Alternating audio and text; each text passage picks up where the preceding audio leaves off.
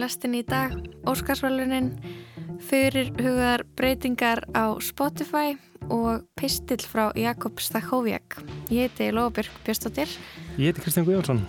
Varstu velkomin eftir í lestina? Takk fyrir Lóa, það er virkilega gott að vera komin tilbaka eftir hérna svona svolítið eh, snembúið fæðingarólof sem byrjaði aðeins fyrir en ég bjóst við en það hefur verið mjög gott um, og gott að koma aftur. Já, það er frábært að fá það eftir. Nú er kannski í fyrst skipti marga mánuði venjuleg lest, við vonum það. Já, ég minna Snorri Rappn og Jóhannes hafa hérna, staðið vaktina mjög vel og við erum þeim mjög þakklátt fyrir að hérna, koma inn á varamannabæknum og taka mhm. við. En hérna, já, það er gott að vera komin aftur. Eh, ég var að hugsa hvort að ég myndi ekki breyta lestinni í svona eitthvað foreldraþátt, vera með svolítið mikið eitthvað svona pappaefni fjalla um batna uppeldi og eitthvað svona. Mhm, Ég, ég laði ágættis grunn fyrir það í síðustu viku. Þá er ég með þátt um steipibóð og mm -hmm. ákafa mæðurun þannig að já, ég Hefðu ok, við erum bara byrjuð. Farin á stað, um, foreldralestin leggur á stað. En þér tókst að hugsa um eitthvað annað í dag uh, Spotify.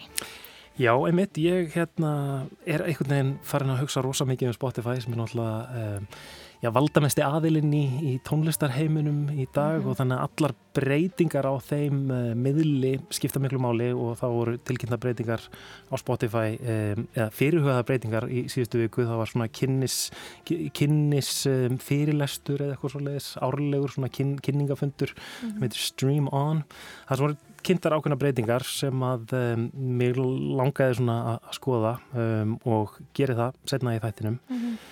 Það er meira í þættinum í, í dag, það er eh, pistill líka? Jú, það er pistill frá Jakob Stakhoviak, hann eh, er að velta, eða svona hann er að rekja það hvernig hann fann íslensku röttinu sína eða röttina sína á Íslandi. Við ætlum mm -hmm. að spil, flytja hann pistill í tveimur hlutum og heyrum fyrir hlutan í dag. Ég mitt, en við ætlum að byrja á, hvað ég var að segja, svona fréttinni, menningafrétt dagsins, Jú. það eru þetta... Mm -hmm voru Óskarsverlunin. Já, verlunin sem eru haldinn um, í Hollywood á hverju ári, Óskarsverlunin. Já, sko, ég tók eftir ég að uh, það voru kannski ekki mest spennandi, mest spennandi verðlunaháttíðin. Uh, það var eiginlega bara alltaf með kyrrum kjörum, við vorum alltaf með Óskarinu fyrra þá Það var þessi fræði löðrungur, það rasaði engin á leðin upp á svið, það var ekki tilkynntum vittlisann sigurvera, um, kjólanir og fötinn, þau voru bara svona Frekar flatt allt sem sagt. í, Já, það er svona það sem fólk er að segja. And the Oscar goes to Keely They say stories like this only happen in the movies. I cannot believe it's happening to me. This, this is the American dream. And the Oscar goes to Michelle Yeoh. I have to dedicate this to my mom, all the moms in the world, because they are really the superheroes. And without them, none of us will be here tonight. Brendan Fraser. I want to tell you that only whales can swim at the depth of the talent of Hong Chow. Thousands and hundreds of thousands people, we just won an Oscar together! Óskarsvæluninn voru haldin í gæðir í 1905. skipti og það var Green, Hazard og sci-fi myndin Everything Everywhere All at Once sem að stóð uppi sem seguveri gerðkvöldsins. Algjörlega, þau fengur bara hérna nánast öll þessi stóru verðlunni, það ekki besta myndin, eh, best besti leikstjórin eða bestu leikstjórafnin eru tveir. Jú, besta handrit, mm -hmm. besta leikonni aðalhlutverki, besta leikonni aukarhlutverki og besti leikar í aukarhlutverki þannig að já, þau, þau fór bara heim með öll stóru velunin Já, einmitt, uh, þó þetta sé svona mynd sem að kannski þegar maður sá hana eða þegar ég sá hana í fyrra þá hefði ég nú ekki búist við að þetta væri svona mynd sem að ætti mikinn sens á, á svona mörgum velunum, hún er svo skrítin og óeinleg og, og lítill eitthvað neginn að hérna Ég hef aldrei búist í því, en allavega, ræðum það kannski betur á eftir. Já, um mitt, og þetta er líka svona mynd sem ég er alltaf mjög hrættum að segja nafnu á henni vittlust. Everything, everywhere, all at once. Eh, allt, allstaðar, allt á sama tíma. Um mitt, ég vona ég mismæli mikið.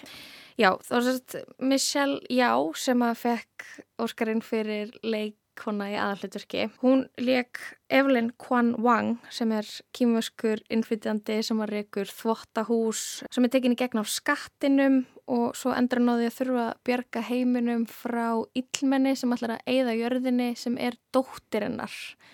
Er, er þetta ekki sérkvæð svona líka sem þú mannst eftir þessu? Jú, og hún þarf einhvern veginn að flakka milli svona mismunandi mögulegra heima, þetta er svona fjölheima mm -hmm. uh, hasarmynd. Einmitt. mjög svona, kannski svona óeinlegt að hérna, miðaldra kynveskur uh, innflytjandi kona sem er einhver uh, hérna, þvóttahús sé aðal hlutur ekki í hasarmynd. Einmitt, það var alveg það sem mann fannst kannski ferst og skemmtilegt og spennandi við hana. En uh, mér fannst hún líka vera svolítið bara svona í ykkurum flokki líka með Marvel-myndum, mm ekki Óskarsmynd, einmitt. En hún leik þetta mjög vel, vissulega, og það var ekki tekið af henni. Og það sem var kannski líka áhugavert og sögulegt í gær var að þetta er í annað skipti sem að leikona sem er ekki hvít hlýtur óska, þessi Óskarsvælun besta leikona í skipti. Þetta er í annað skipti og þetta er í fyrsta skipti sem að kona af asískum uppruna fær Óskarinn. það er náttúrulega alveg ótrúlegt. Mm Og uh, svo er það Ki Hee Kwan sem, sem að var barnastjarnar sem leikur eigin mannennar Evelyn Waymond í Everything Everywhere All at Once. Einhverju þekkjan kannski úr Indiana Jones, Temple of Doom og svo líka hann í Goonies. Einmitt. Hann fekk síðan ekkert fleiri hlutverk eftir hann var barnastjarnar í smá tíma. Svo sá hann Crazy Rich Asians, talaði við umbórsmannin sinn, færi sér handritið af, af þessari mynd á borðið Já, og svo er hann bara búin að sópa til sín verðlunum. Vá, wow, ok, þannig að þetta er svona hérna, já, svolítið svona dramatísk saga hans My journey started on a boat. I spent a year in a refugee camp. And somehow I ended up here on Hollywood's biggest stage. hann náttúrulega líka já, innflyndið að flóttamæður Já, emitt. Og kemur til bandaríkjana á barðsaldri bara já, og þessi stóri verðlun í gær, þakkaraðirnar, það er svona svipaður þráður í þeim öllum. Það eru draumar að rætast, það er aldrei of seint að láta sér dreyma.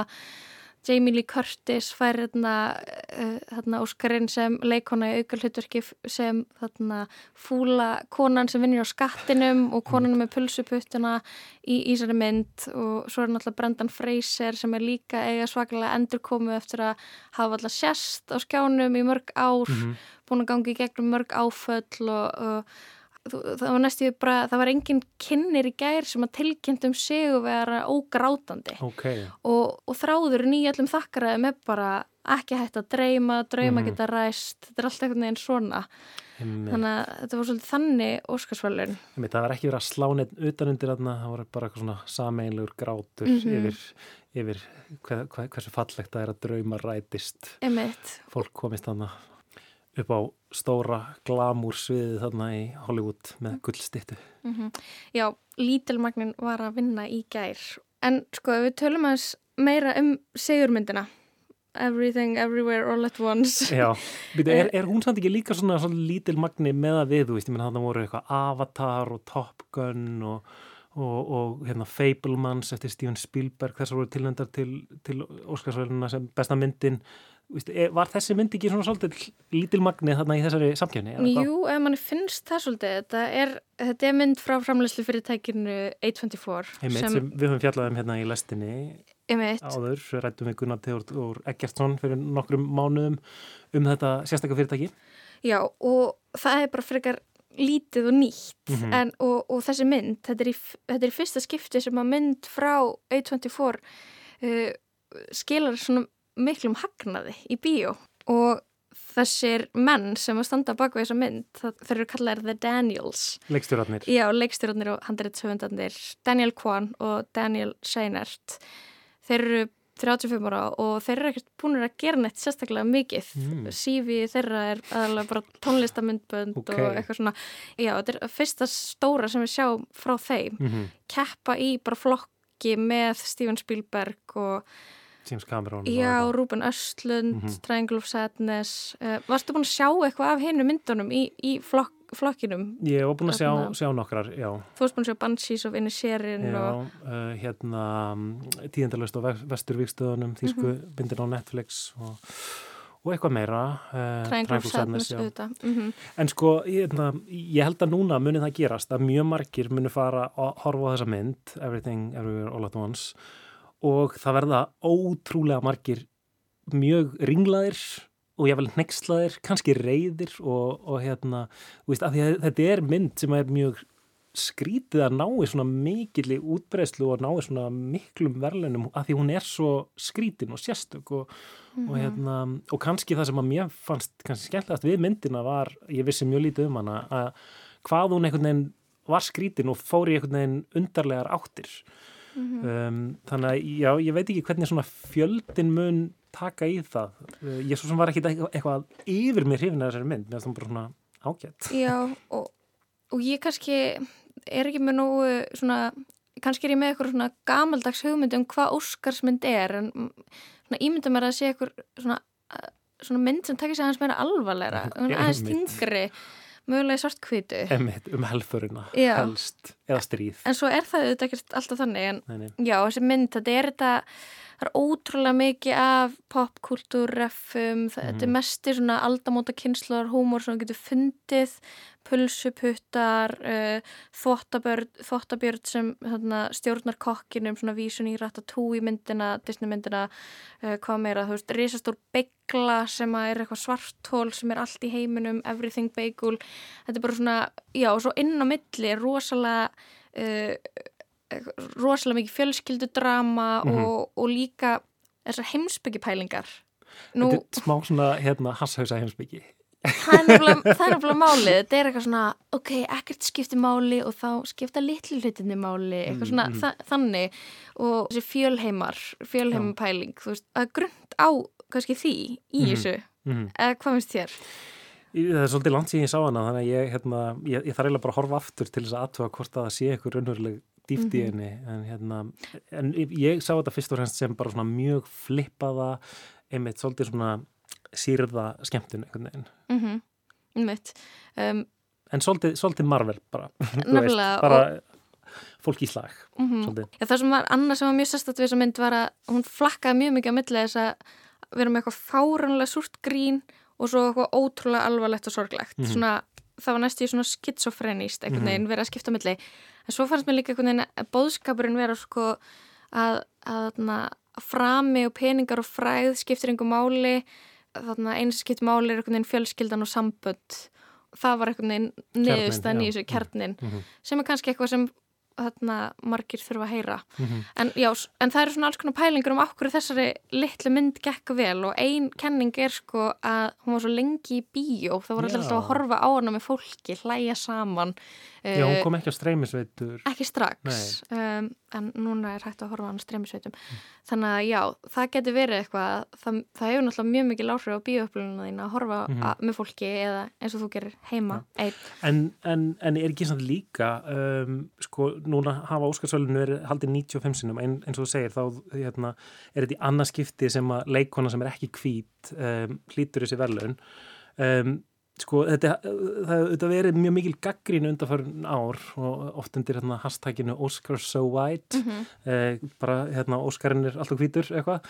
Um, þú veist, það er svolítið svona þrá eftir því að, að fá að líka verðlauna um, það sem er vel gert af svona fjölbreyttari hópi kveikmyndagera fólks uh, og, og fagfólks í þessari stjætt þannig að svona, ég held að vinna ekkit gegn þeim að, þannig er uh, saga og sögu hetja sem að maður hefur eiginlega ekki séð áður eins og ég segi miðaldra uh, kvenkins uh, þvóttahúsa eigandi í bandaríkjónum Já, hérna, það er, það er söguhetja sem maður aldrei séð áður þannig að það er svona, já þetta er frumlegt, nýtt eitthvað sko. Algjörlega, uh, það, það, er verið, það er verið að svara gaggrinni sem er búið, búin að vera mjög lengi, einhvern veginn loksis núna. En þannig að þessi bíómynd kannski svona, um, það eru svona margar einhvern veginn sögur varandi þessa mynd, ég meina þetta er mynd sem að stendur sér vel í kveikmyndahúsum á tímum þegar æfæri fari í kveikmyndahús þetta er uh, mynd sem að uh, já, hampar uh, minnilutta hóp eða, eða, eða hóp sem hefur ekki verið sérstaklega ábyrrandi þarna í Óskars bíómyndunum um, allir þessir leikarar eins og þú nefndir eiga svona einhvern veginn svolítið dramatískar sögur þannig að þetta er svona já, fólk hefur kannski bara verið mjög ánætt með að kjósa þessa mynd Mhm, Hún hefur kannski verið Óskarsvæn eins Já, og í raun á svona lúmskan hátt einhvern veginn. Já, uh, þannig að mm, það, þarf að heilla 10.000 kjósendur í akademíinni og fá atkvæði þeirra. Já, Uh, það lítur bara út fyrir að, að þessi mynd hafi bara rekið eitthvað svona farsala kostningabartu. já, og þó kannski þetta fyrirtæki A24 Já, bara orðið svolítið gott í því að sannfæra uh, kjósendur í akademíunni. já, sem að vissi kannski ekki að var ekkert endilega búast við að yrði markmið þessa, uh, þessa framlýslu fyrirtækis. Uh, fyrst skipti sem að A24 fær Óskarsvælun það er 2017 fyrir Moonlight Mm, uh, og svo núna í ár þá standaði uppi með bara flestar tilnefningar af öllum framleyslufyrirtækjum A24, bara lítið sjálfstætt en greinilega ekkert svo lítið lengur Já, fyrirtæki sem er einblýna á svona skrítnar litlar myndir, mm -hmm. ekki stó, stórmyndir eða, eða eitthvað svo leiðis. mm, En kannski bara að lokum, við verðum að koma því, það var náttúrulega Íslandíkur tilnæmt, það ekki? Jú, Sara Gunnarsdóttir uh, teiknumyndaleikstjóri fekk hlautilefningu á svona Pamela Ribbon fyrir teiknumynda stuttmynd My Year of Dicks. Sem við höfum fjallað um hérna í að um. en, uh, en hún hlauti ekki velun sem var leðilegt Já, já, en svona er þetta, hérna, það er ekki alltaf hægt að vinna, Íslandingar get ekki alltaf að fara heim með Óskar. En við ætlum að heyra pistil núna næst. Jakub Stakhoviak skáld flutti sinn fyrsta pistil í lestinni síðastlega mándag. Þar sem hann saði frá heimsókn sinni til Abu Dhabi á tímum COVID og þar blasti við honum raunveruleiki sem að myndi helst á vísindaskáldskap. Í dag og morgun flyttum við pistil frá honum í tveimur hlutum þar sem hann segi frá því hvernig hann fann ördina sína á íslensku. Þetta var svakalega gótt, hrópaði Ingólfus, skaldbróðurinn minn og Bjasti vinnurinn, þegar hann heyriði mig flytja ljóðin mín í fyrsta sinn. Þau voru illa ost, fullt af málvillum sem ég skammadist mín feris, meira draug að ljóðum heldur en ljóð. Í einu orði halv vond. Árið var 2020, februar mánuður í húllum gangi, rétt fyrir faraldurinn. Ég, að samt öðrum skaldum að Ingólfi mentoldum, vorum að flytja ljóð í Grundalshúsi nýðri í bæ á svokulluðu svíka kvöldi, mánaðarilegu ljóðakvöldi sem svíkaskald standa fyrir. Húsið er einn huggulegasti staður Reykjavíkus, þessara borgars sem ég fjell fyrir við fyrstu komuna til Íslands og ég elska enn þann dag í dag. Húsið er svona kerstakósi með huggulegu ljósunum sem hanga í húsinu eins og þau ætli að afhjúpa stórkostleg lengdarmál húlinn í augum þeirra sem heimsækja þennan meska meiningar stað. Ég man augnablíkið þegar ég steig á heimatilbúið sviðið, nýrakaður í ljósbreykri Vagina Boys peysu í einni svipan skjálfandi unglingur. Ég man hvernig röddinn brast þegar ég las ljóðin mín á óhullkominni íslensku. Hvernig hendurnar sem heldu á pappirsöskunum skulfu fáranlega mikið. Ég steig á sviðið og byrjaði að lesa. Áður en ég flutti til Íslands var ég málleysingi. Upphafssetning ljóðsins sem miklu setna opnaði ljóðabókina Næturborgis og þar með minnferl sem skáld í þessu veðurreinda landi.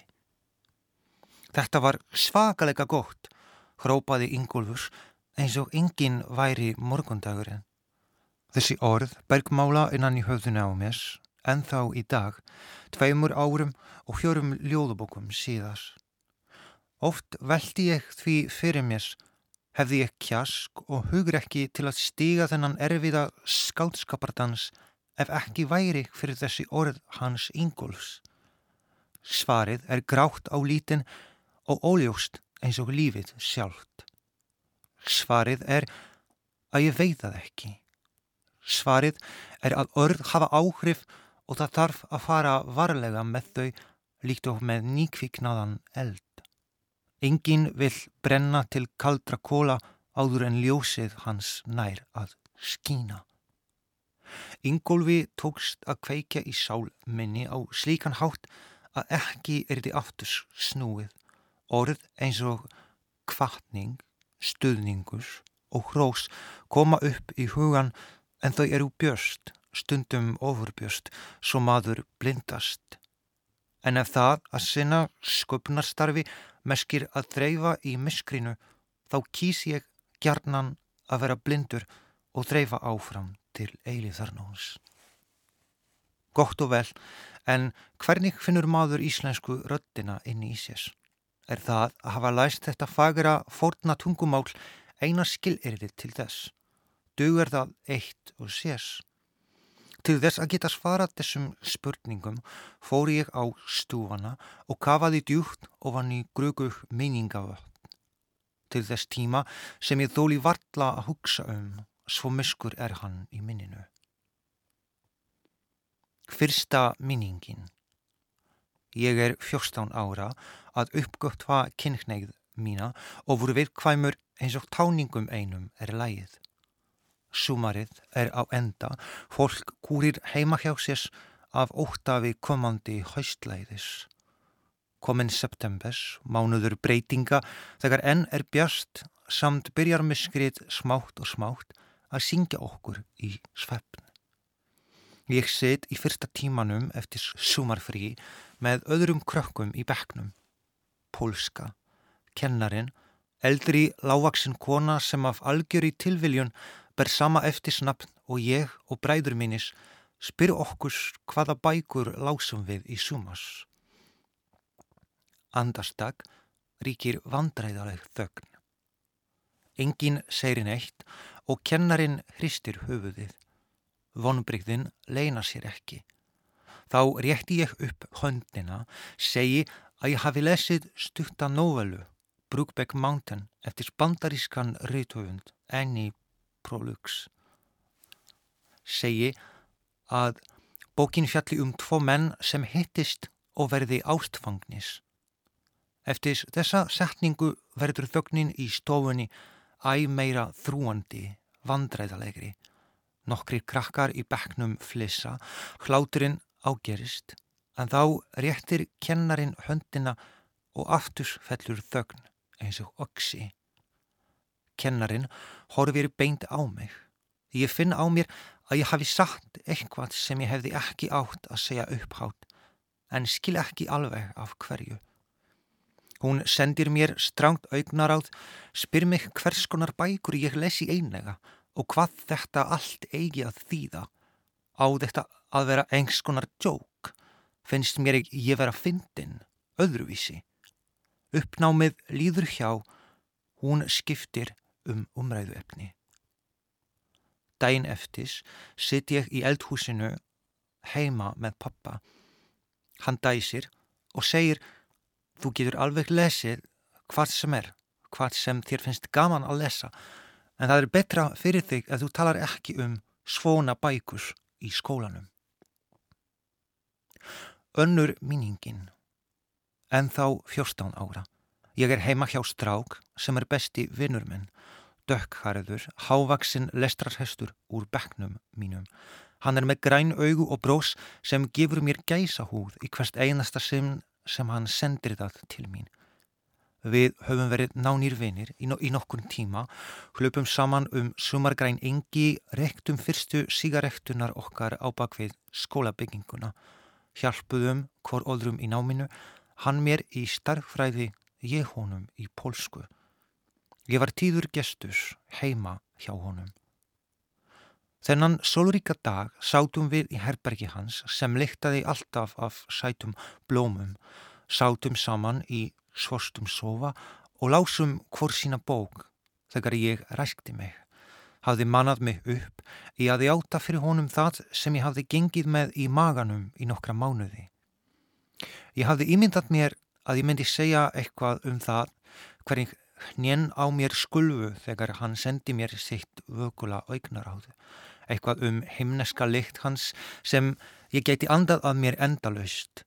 Eitthvað um æsandi ráströym sem færi um mig í hvert skipti sem hönd hans strauk mína óvænt. Þess í stað rækti ég mig, lagði bókina til hliðas og muldraði lágt. Ég þarf að segja þér svolítið. Hann hætti að lesa og lyfti augabrunum forvitin. En þú mátt engum kjafta frá þessu, lofaru, engum, bætti ég við skjálfandi röldu. Það sem kom næst var einar klukkustundar þögn. Í eitt tíma þagði ég í herbergi hans, orðabrunur minn alveg skrauður. Loks misti hann þólinnmæðina. Segðu mér, erstu búinn að drepa einhvern? Ég hristi höfuðið. Ég elska þig, kvíslaði ég. Afturs var þögn, hvers eins og nýbrínd skæri. Ég gat næstum séð hvernig vinátt okkar sundraðist, hvernig hún eldri aldrei afturs söm. Hann ræsti sig, lagði höndum sína á mína, leitt í augun á mér, sagði Jakob, ég er ekki svona.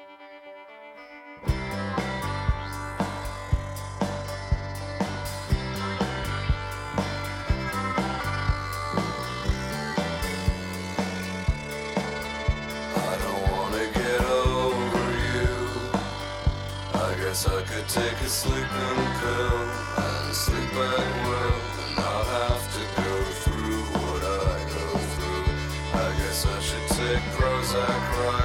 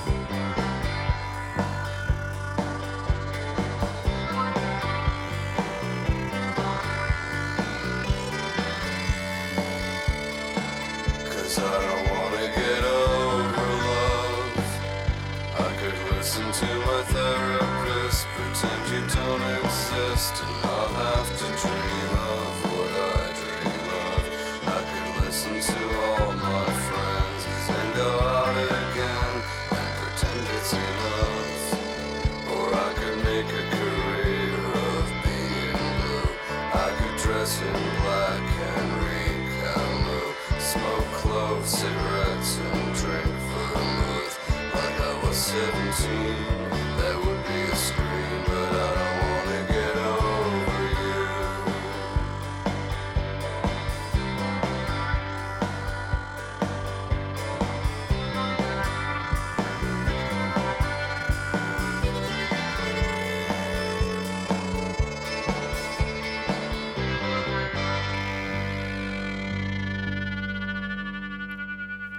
I Don't Want To Get Over You með Magnetic Fields. Það var Jakob Stakhoviak sem uh, flutti pistil og við klárum hann í lestinni á morgun en næst ætlum við að halda til Los Angeles.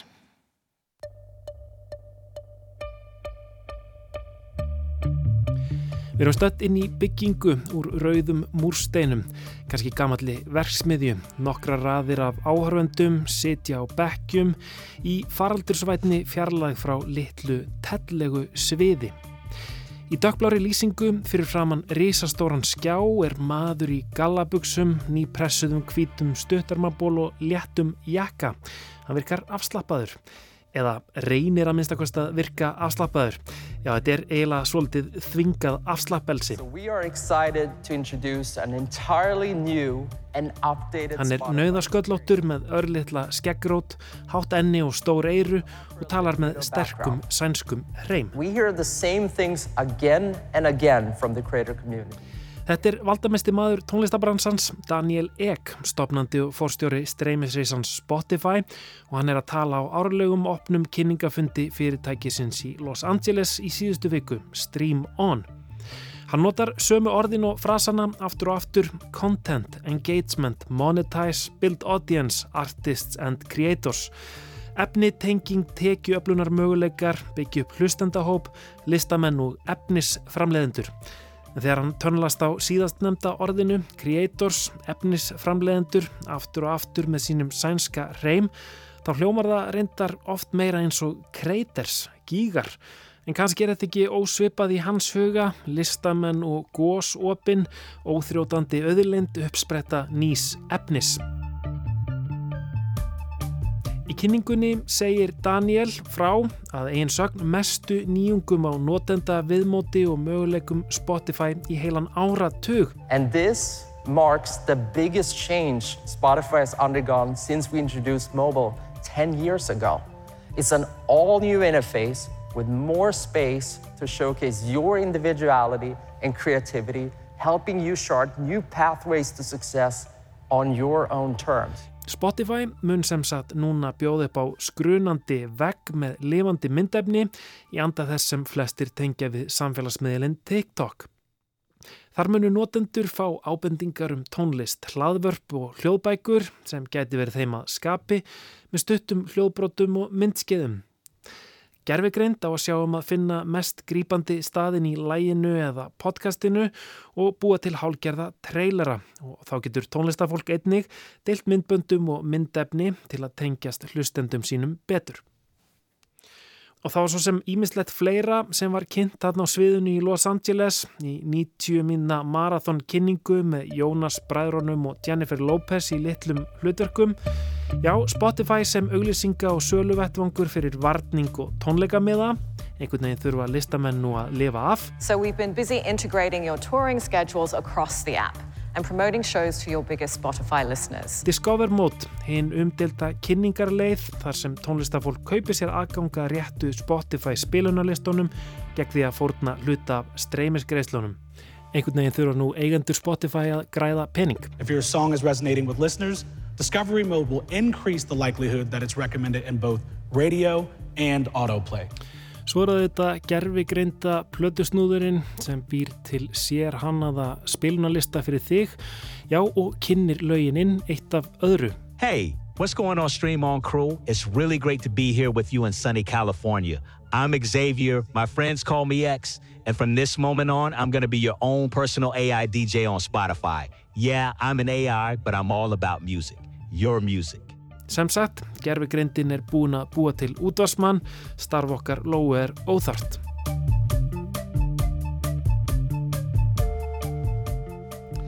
Til þess að ræða við okkur um þessar fyrirhugðu breytingar á Spotify er komin rittstjóri hlaðarpsins tæknivarpið Gunnlaugur Sverrir Reynisson.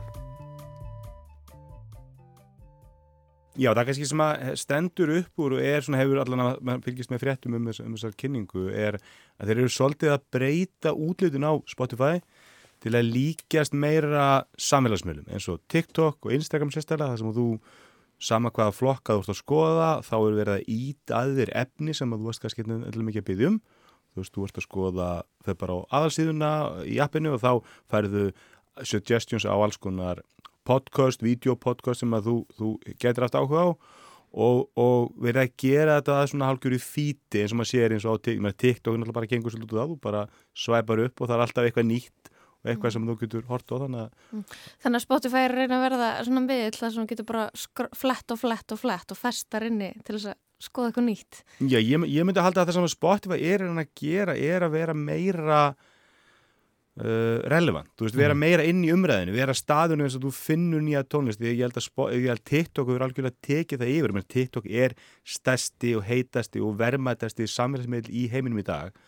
Og Facebook og Instagram alltaf sama eru eigum meta þannig að það ertu með eitt, eitt svona veldi. Mhm. Twitter er eitthvað stort í skurði og er kannski ekki, ekki mikið um umræðin í dag og þá ertu með, með uh, Spotify hinnum með sem að vill eitthvað en ég kannski, ég hef ekkert endalega mikla trú að Spotify trúi því að Spotify verði alvöru samfélagsmiðl og ég held að rauninni ekkert engin þjónustöð app sem var ekki samfélagsmiðl hefur náði að verða samfélagsmiðl. Mhm. Apple er reyndu þetta oft, þeir reyndu þetta í iTunes á sínum tíma, ég man ekki hvað svo þjónustöð heita, það var svona átt að koma svona samfélagsviðbót og niðurst of það notaði þetta enginn. Og Google reyndi þetta náttúrulega Google reyndið þetta oft skilur og það er reynda og ég meina við, við nú bara nærtæk dæmi að, að quiz up. Spurningarleikurinn sem var, var það að risa fyrir Íslandi sem var með sko 100 mann sem vinnu eða eitthvað að quiz up 2 átt að vera samfélagsmiðl þar sem að þú ert áhuga maður um, um veist, rúsneska sögu og þú ert, að, ert í spurning, ertu mikið að spyrja eða að vinni í spurningunum þar og þá ertu í samfélagi svipar þengjandi áhuga manna sko. Mhm. Og það var engin áhuga því hjá neytundum allan ekki, ekki því mæli sem að kvissa búnaðist eftir og, og, og það fjall líka svolítið flat en ég held að líka spili bara inn í að það er tvent sem Spotify er að gera. Þeir, það er alltaf þannig að fyrirtæki fer með svona 80% tekjum bara beint til rétthafa. Þú veist ég rétt á því ekki um listamannana heldur þeirra sem eiga tónlistuna og græða pening á henni.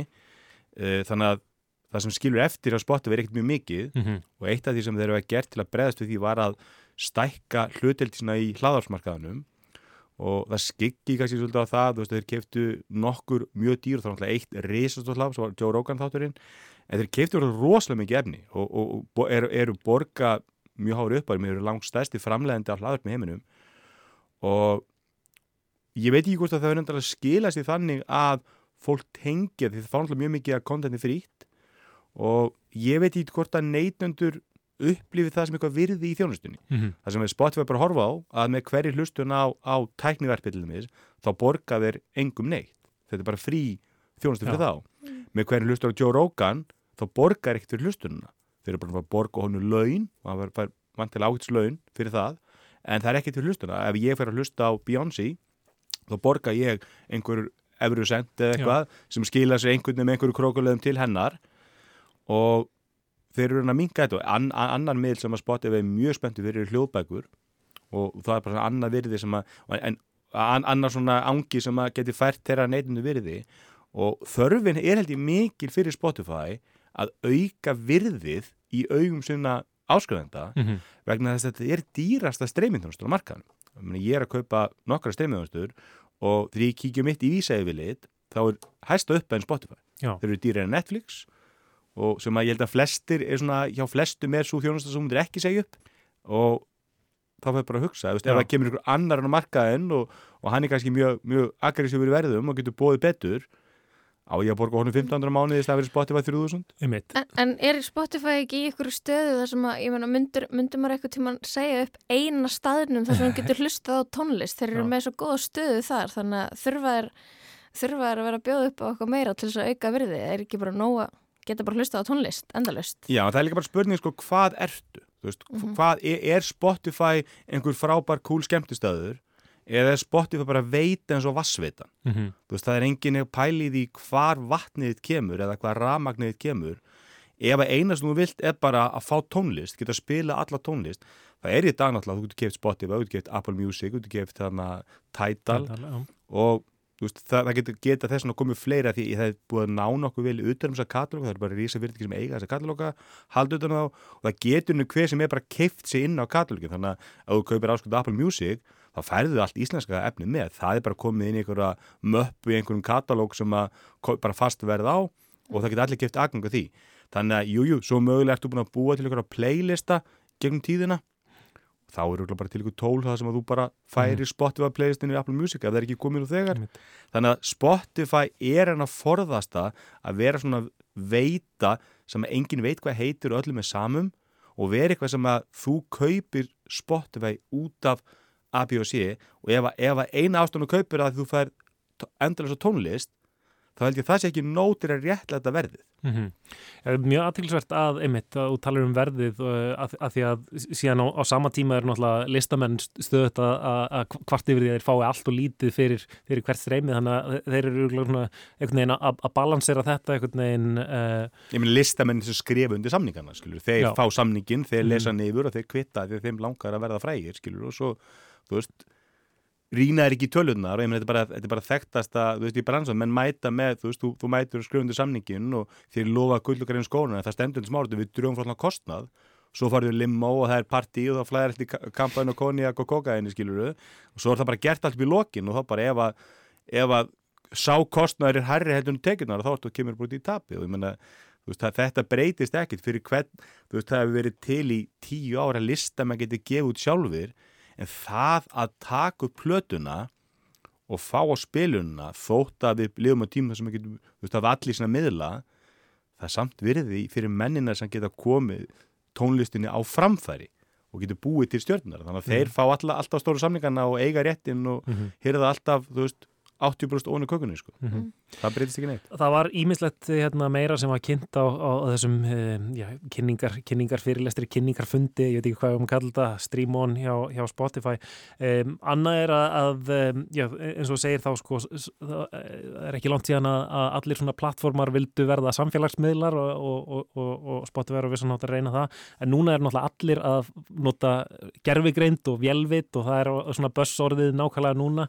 Um, þeir ætla að nota þetta bæði til þess að já, hjálpa fólki að- koma efninu sínu inn á þessa inn í þessa veitu þetta hérna, fít þarna veggin hjá fólki og svo er þau komið gerfigreindar DJ og eitthvað svo leiðis hvernig líst þér á svona þessar tilraunir þeirra? ég, ég held að þar, bara fyrir mig sem Spotify neytanda, ég er mjög spenntir að þarna, ég held að þarna sem bæði meira pláss til að bæta þjónustuna og líka bara meiri þörf á því, af því að eins og segir, sko, eins og þú veist að segja á þann að ef að, jú, ég vil fá tónlist, en ef, að- ef að ég segi krafa tvö er að ég vil finna nýja tónlist, ég vil finna nýja tónlist sem höfða til mér, og minni bylgjulengt og bara, og mér finnst Spotify ekki ná að gera það nú vel í dag. Þú veist, ef þú fer að Discover Weekly til mér að þetta er rosalega handóskend lög sem að oftar en ekki eiga það bara samlega að vera íslensk. Og ég menn ég tekið bara eftir, ég eitthvað var að spila Hatara Eurovision-lægið og ég segi þú veist, búið til útastöðu þessu lægi og eina sem kom eftir var bara land og sinir og ekki bjarna, því að hún einhvern veginn bara fattaði gerur greindi, eða þess að algoritmi sagði bara hann, hann fílar íslenska tónlist. Þú veist, og þeir, hún er náttúrulega eins, eins mismunandi og, og, og flytjendur margir. Þannig að það vantar miklu frekar að, að hún gerfi greindina og finna bara, þú veist, gulli fílar svona tónlist hér er ný tónlist sem er svona fittar þetta mengi, dæljum þjónum ekki bara ný tónlist, hún þarf að vera af sömu tegund og einhvern veginn sama, sama Mhm. sa, sa, höfða til hans og ég held að þarna sé miklu meira svigurum til að bæta og þarna ef að, ef að Spotify getur myndað veist, einhvers konar hugbúnarteimi sem er, er að kemur með gerfigrind sem er miklu betri heldur en litlu nýju aðleðinu sem komið með þá, þá getur það verið nóg til að réttlega verðið. Að segja bara ég, ég þú veist, Spotify finnur fyrir mig miklu meira af betri tónlist Mhm. heldur en ég fekk þegar ég prófaði Apple Music eða Tidal eða hvað. Af því að þetta er mjög flókið, mjög flókið að búa til gerfigrindina sem gerir þetta vel og þetta er, ef þú ert ógeðslega stór og ógeðslega ríkur, þá getur þú hent bara endalisum penningum í þetta og náð, náð samkynnsfórskjötu með þessu miklu fyrir eitthvað, eins og segi ég, ég hef, hef ekkert volið mikið áhuga á því að fara á Spotify og vera þannig einhvern veginn að interakta við vini mína held ég, veist, ég ekki, ég er með nóg miðlum fyrir það Mm -hmm. En, en e, e, erum við ekki að hugsa þetta bara of, of smátt? Ég menna, fer ekki bara núna um, Spotify að generata bara svona, að- skapa bara nýja tónlist með gerfugrindinni, þannig að þú vilt hatara útvarstöðina þína, þá bara hérna, verður til ný svona hatara kent tónlist hérna, búin til á sama hátt og, og við erum farin að búa til texta og, og hérna, rattir og, og, myndir og er þetta ekki bara næsta, næsta skrefið að, að, að Spotify búi bara til nýja tónlist fyrir okkur, þá þurfum við ekki að borga neinum höfundarétta greiðslur líka. Já, ég meni, ef, ef að neytundur fíla ég meni, við erum alltaf með það í dag, það eru, og það er nú bara fyrirtæki sem er nátengt eiganda stopnanda Spotify, sem var mjög umdelt, það var í fréttum hitti fyrir að, að, að þetta fyrirtæki finnur playlista sem eru að trenda og generate, ég, ég veit ekki hvort að tónlistin sé búin til af tölvum sko, en, en hún er búin til að bara einhverjum verkamönnum sem bara hafa það eiginlega að búa bara til hljómsett sem hljómar einhvern veginn.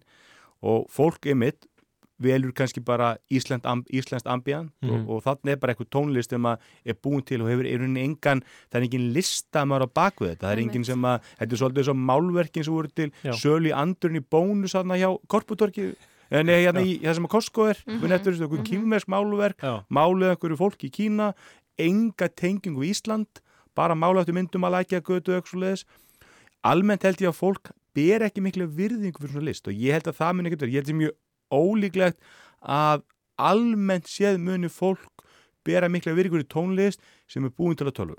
Þú veist, á tölvunni sjálfur, ekki Mhm. á tölvu.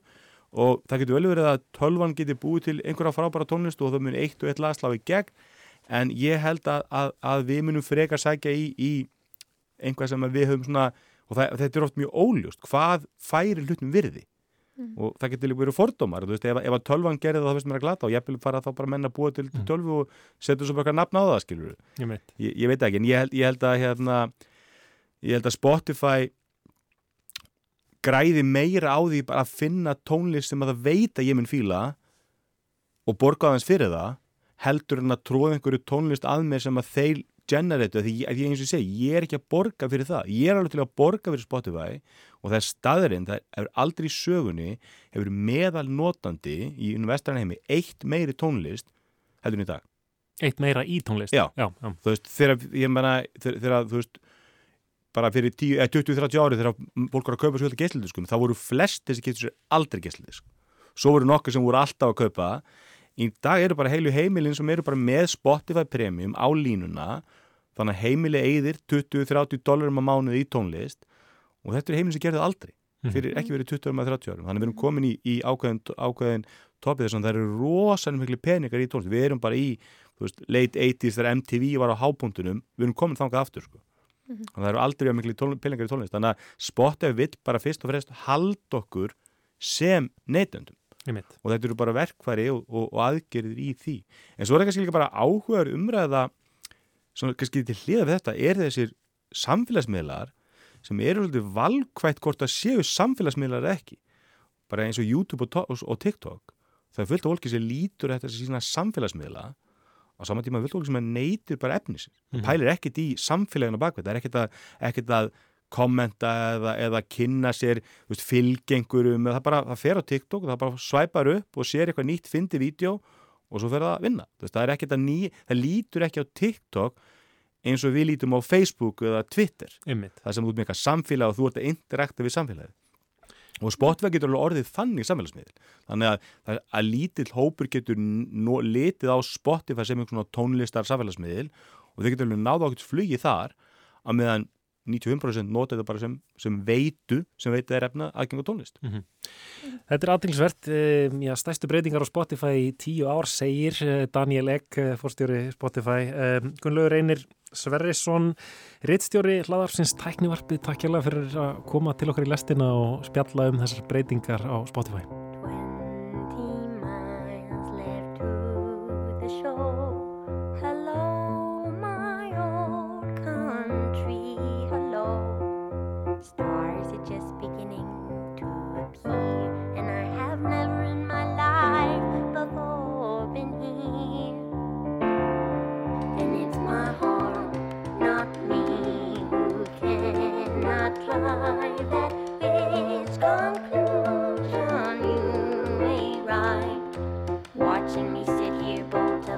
And cry for no good reason at the Eastering sky and the tilt of the strain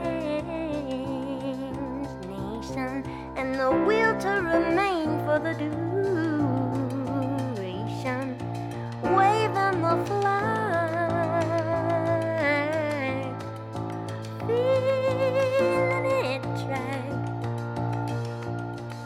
Like a bump on a bump on a log, baby. Like I'm in a fist fight with a fog, baby. Step ball change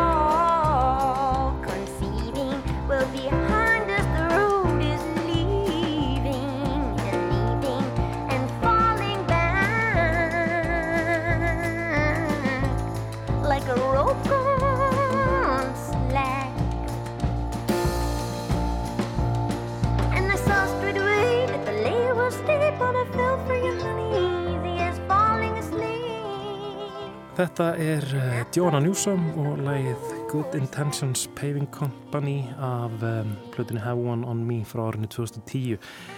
Joanna Newsom er einn af svona örfáum listamönnum, um, svona stærri listamönnum sem ég hef reykist á sem að er bara ekki á Spotify. Mhm.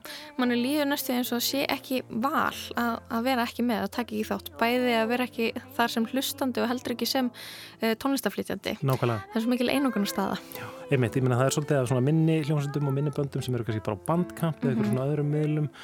En- sem vita að þau eru in- indie og tilhæra jaðarsinnunni Já. en ef þú ætlar að reyna að slá í gegn þá Já. Já, neyðustu til að taka átt Ég reyndar ekki kynnt mér af hverju Joanna Newsom er ekki á Spotify en, Mm. en ég skal koma að staði og, og læta ykkur vita við tækifæri. En já, þar með er lesting komin að leiðarlokum þennan mánudaginn. Já, við Kristján og Lóa þökkum fyrir samfélgin í dag og tæknumæður var Litja Gretastóttir og við erum hérna aftur á sama tíma á morgun Heyrjumst á.